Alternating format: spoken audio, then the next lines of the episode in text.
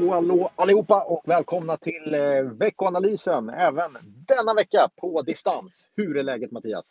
Det är bra. Det är bara bra. Man börjar få upp rutiner med att jobba hemifrån och med alla digitala möten. Absolut. Jag såg eh, att eh, Microsoft släppte rapporter på användandet av deras tjänst Teams, heter den va? Som mm. är skyrocketing och det, det kan man förstå i dessa tider kanske. Inte helt oväntat. Nej, det, det gäller nog alla sådana här digitala mötestjänster och det funkar ju faktiskt jättebra. Sen blir det inte lika personligt, men det, vi har många exempel här i firman på digitala AWn och allt möjligt. Så att eh, det, det funkar faktiskt förvånansvärt bra. Bättre än inget. Absolut. tycker det är jobbigt det där med kameran, för då, då, då ser ju folk hur man ser ut. Man, eh, eftersom man inte vistas bland folk så är man ju rätt risig. Va? Jag tycker det det hade gått klart bättre utan kamera. jag har men... noterat att det finns en funktion med, med oskarp bakgrund, men jag har inte hittat funktionen där jag kan eh, blurra mig själv också. Nej, precis. Eh, du, marknaden är ju fortsatt stökig förstås. Eh, och jag tänkte vi skulle hoppa rakt in i det. Vi, I dagens veckoanalys så kikar vi en del på den här amerikanska arbetsmarknadsstatistiken. Hur illa är det? Ja, alltså det är väl lite svårt. Alltså det, här, det som kom förra veckan och det som heter Initial Jobless Claims. Så är en sån här veckostatistik över antalet nya arbetssökande i USA. Eh, den är ju normalt lite volatil, man brukar titta på olika snitt över fyra veckors period och så vidare.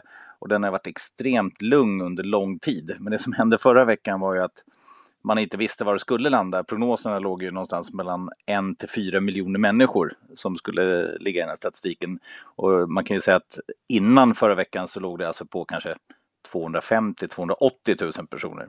Eh, bara för en jämförelse, men det landade på 3,3 miljoner. Så det är ju en, ja, det är ju högre delen av prognoserna och det är ju en, en jättesiffra naturligtvis. Sen får vi väl se hur det här slår på faktisk arbetslöshet och liksom, ja, det är ju väldigt mycket naturligtvis kortsiktigt.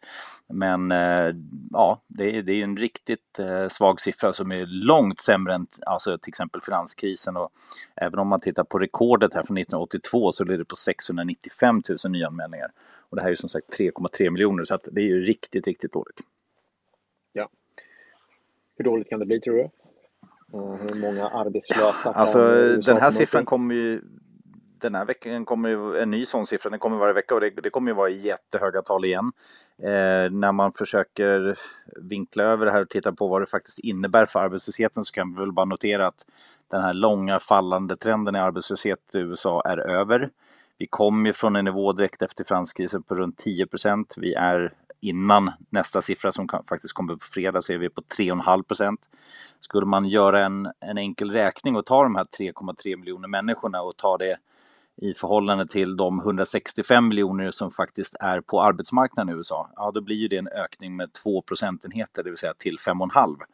Eh, riktigt ja. så enkelt kanske man inte kan liksom räkna, men, eh, men ja, det lär ju landa en bra bit över fyra någonting redan initialt kanske eh, och sen fortsätta upp. Problemet är ju lite grann när man tittar på de här 3,3 miljonerna så är det en aktuell veckomätning. Arbetslöshetsstatistiken, där har ju data samlats in under egentligen bara fram till andra veckan i mars. Så där vet vi inte riktigt vad, vad det kommer landa i. Men när det här är klart så är vi ju betydligt högre än vad, vad vi är på nu. Så ja. det, det, går fort. Och det brukar det faktiskt göra. Det brukar gå fort. Alltså när det är sån här inbromsningar i ekonomin. Finanskrisen kom ju också relativt fort där under hösten. Det, det, går fort som arbetslösheten stiger och det är ofta en signal för, för recession. Eh, och sen tar det också tyvärr, sen går det inte lika fort tillbaka. Nu säger ju många att det, liksom, det här kommer att bli en riktig, ja vi pratade om det förra veckan, en riktig V-återhämtning. Det går tillbaka liksom andra halvåret. Men eh, historien säger väl snarare att det är så att det tar tid att komma tillbaka. Eh, och jag tror man får faktiskt räkna med att ehm, det kommer dröja innan vi, eh, ja, innan vi är helt tillbaka på samma nivå som innan. Och eh, förstås så slår ju, vi har pratat mycket om den starka amerikanska konsumenten och eh, här slår det rakt in i hjärtat på, på ekonomin. Eh, hur tufft blir det där? Räcker de här jättepaketen eh, med... Det är ju siffror som låter som tagna ur en kalanka tidning men, men ja. det är ju gigantiska paket som man satsar. Eh, tror du Absolut, det räcker? och det är svårt att säga. Alltså, titta nu i veckan här kommer också lite konsumentförtroendestatistik men det, alla sådana här siffror och alla bedömningar är ju otroligt osäkra nu. Vi vet ju inte hur mycket virusspridningen faktiskt innebär. Eh, just nu så tror jag allting i princip tvärdör. Eh, och eh, visst kommer de här stora stödpaketen kunna göra att folk klarar sig. Och nu innebär ju det här, i och med att fått igenom det här i kongressen nu i USA så har vi ju faktiskt ehm, så har vi ju faktiskt ett stödpaket där man faktiskt delar ut checkar till befolkningen. Så man kommer ju kunna klara sig. Men det är ju inte så att man går och konsumerar. Man går och köper mat och man betalar kanske sin hyra och så vidare. Men inte, inte att man eh, ja, ägnar sig åt dumdristig konsumtion på något sätt. Så att jag tror att vi, och det kommer, det kommer också tror jag ligga kvar i folks tanke efteråt att man kanske eh, det som vi redan har sett är ju en ökad sparkvot och jag tror att vi, vi kommer se det mer de närmaste åren, att man kanske ändå agerar något mer försiktigt framöver. Ja, det ligger väl i farans riktning. Du, eh, vi släpper det lite grann. Konstaterar också att eh, kollar man på svenska siffror, arbetslöshetsstatistik, nej, det ser det är också på rekordnivåer. Så det är inte bara USA det här gäller, utan det gäller Europa och även Sverige faktiskt. Eh, någonting annat som vi kollar på i veckans eh, analys är ju också kreditmarknaden och den har ju varit stökig. Eh, inte minst här i Sverige med flera fonder som varit stängda för handel. Eh, pratar lite om kreditspreadarna också. Eh, och det är väl ganska naturligt att de drar isär, att köp och säljsidan eh, blir allt längre ifrån varandra när det är så här turbulent. Det är väl egentligen inget konstigt. Nej, alltså man brukar ju säga det här, det som är kreditspreadda, alltså den avkastning man kräver utöver statslåneränta. Eh, det brukar ju stiga naturligtvis eh, i orostider och klassiska sådana är naturligtvis finanskrisen eller Kina-oron vi hade 2015-16 men också till exempel eurokrisen. Och vi är till viss del redan förbi de här nivåerna men kanske inte riktigt i nivå med finanskrisen för vissa. För, för vissa är vi det.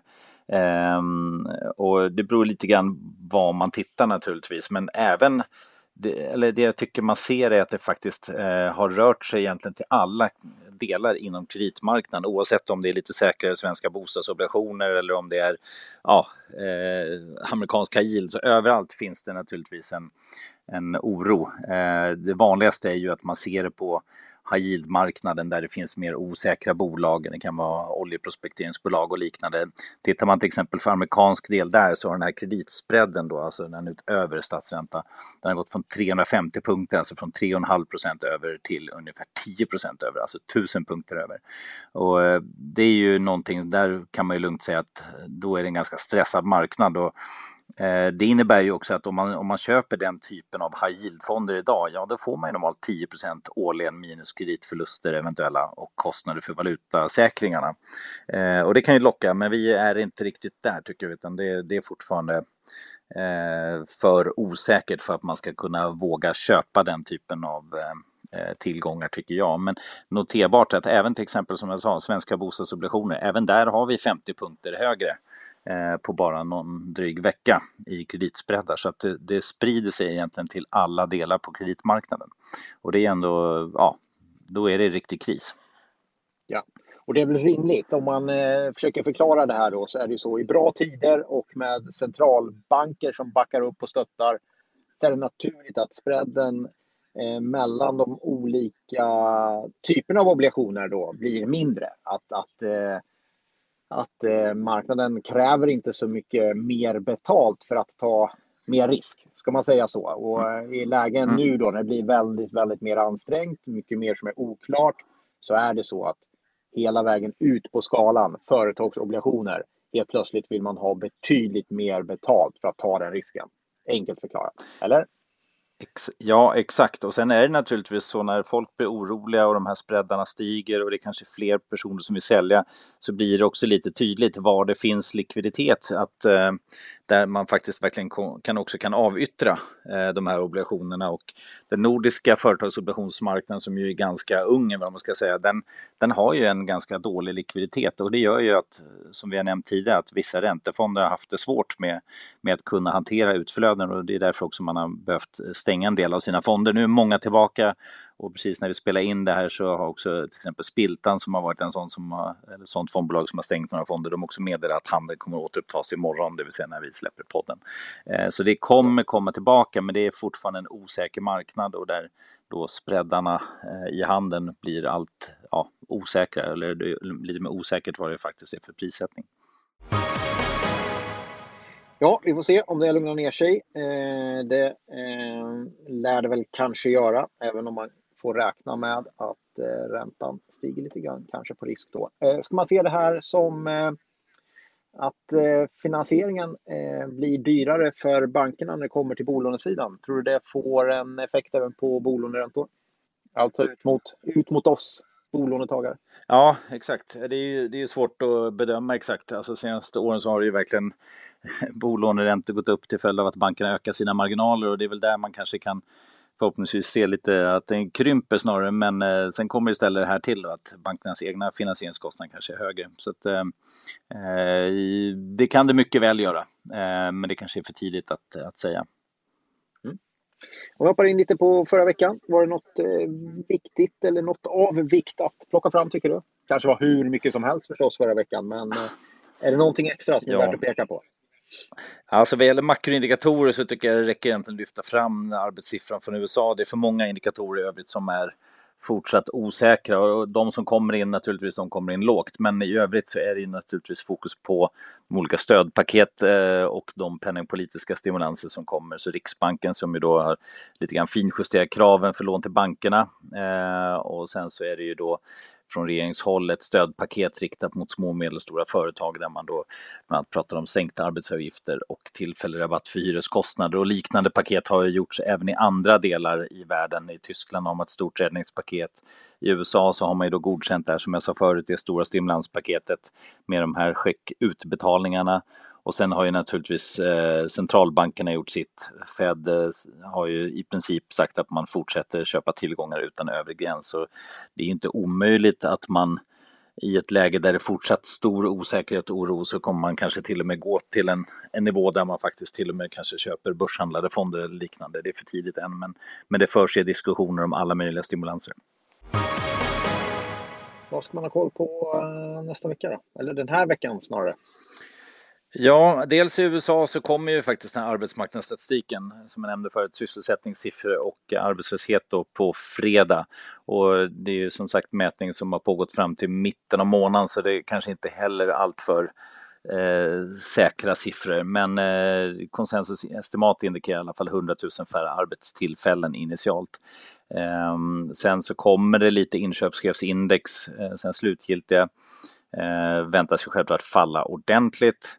Och sen så eh, är det ju fokus på eventuella stödpaket som, som kommer. Ja, det saknas väl inte händelser på eh, börsen direkt. Eh, och det är ju ett gäng inställda utdelningar. Det här är ju normalt en väldigt intensiv utdelningsperiod, men eh, eh, många har valt att ställa in. Det har också varit ganska hett eh, om eh, bolagen ska dela ut eller inte. Och det är väl klart, jag tror det är svårt att dela ut om man samtidigt tänker sig att ta del av de här stödpaketen som regeringen har gått ut med. Det känns väl rimligt. Men som sagt, håll koll på det. Har du förväntat dig att få utdelning här nu så eh, är det många som både har halverat och eh, ställt in den faktiskt.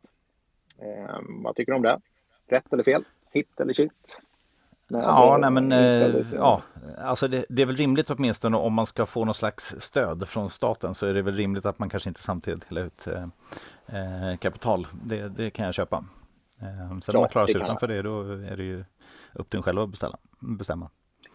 Det är ju fortfarande så att det är ju faktiskt inte staten som bestämmer. Men jag tycker också man ska vara restriktiv. Eh, det är inte så dumt heller att eh, se till att man har kassa i det här läget eftersom egentligen, precis som det är för oss alla, det är rätt svårt att förutspå hur det ser ut framåt här och då, då är det väl inte så dumt att vara välkapitaliserad. Eh, det man behöver väl inte dela ut i onödan, tycker jag i alla fall.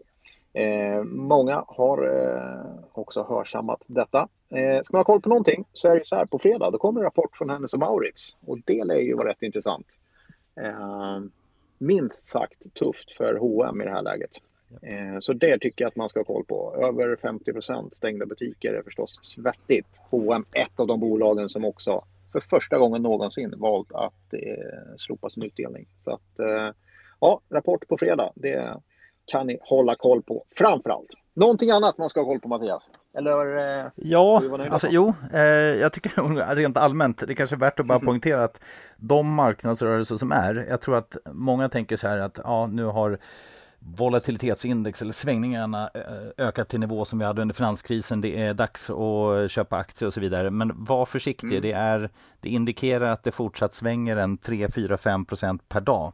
Och faktiskt så hade vi två sådana stora volatilitetstoppar eller toppar där risken ökade marknaden ganska kort efter varandra även under 2008-2009.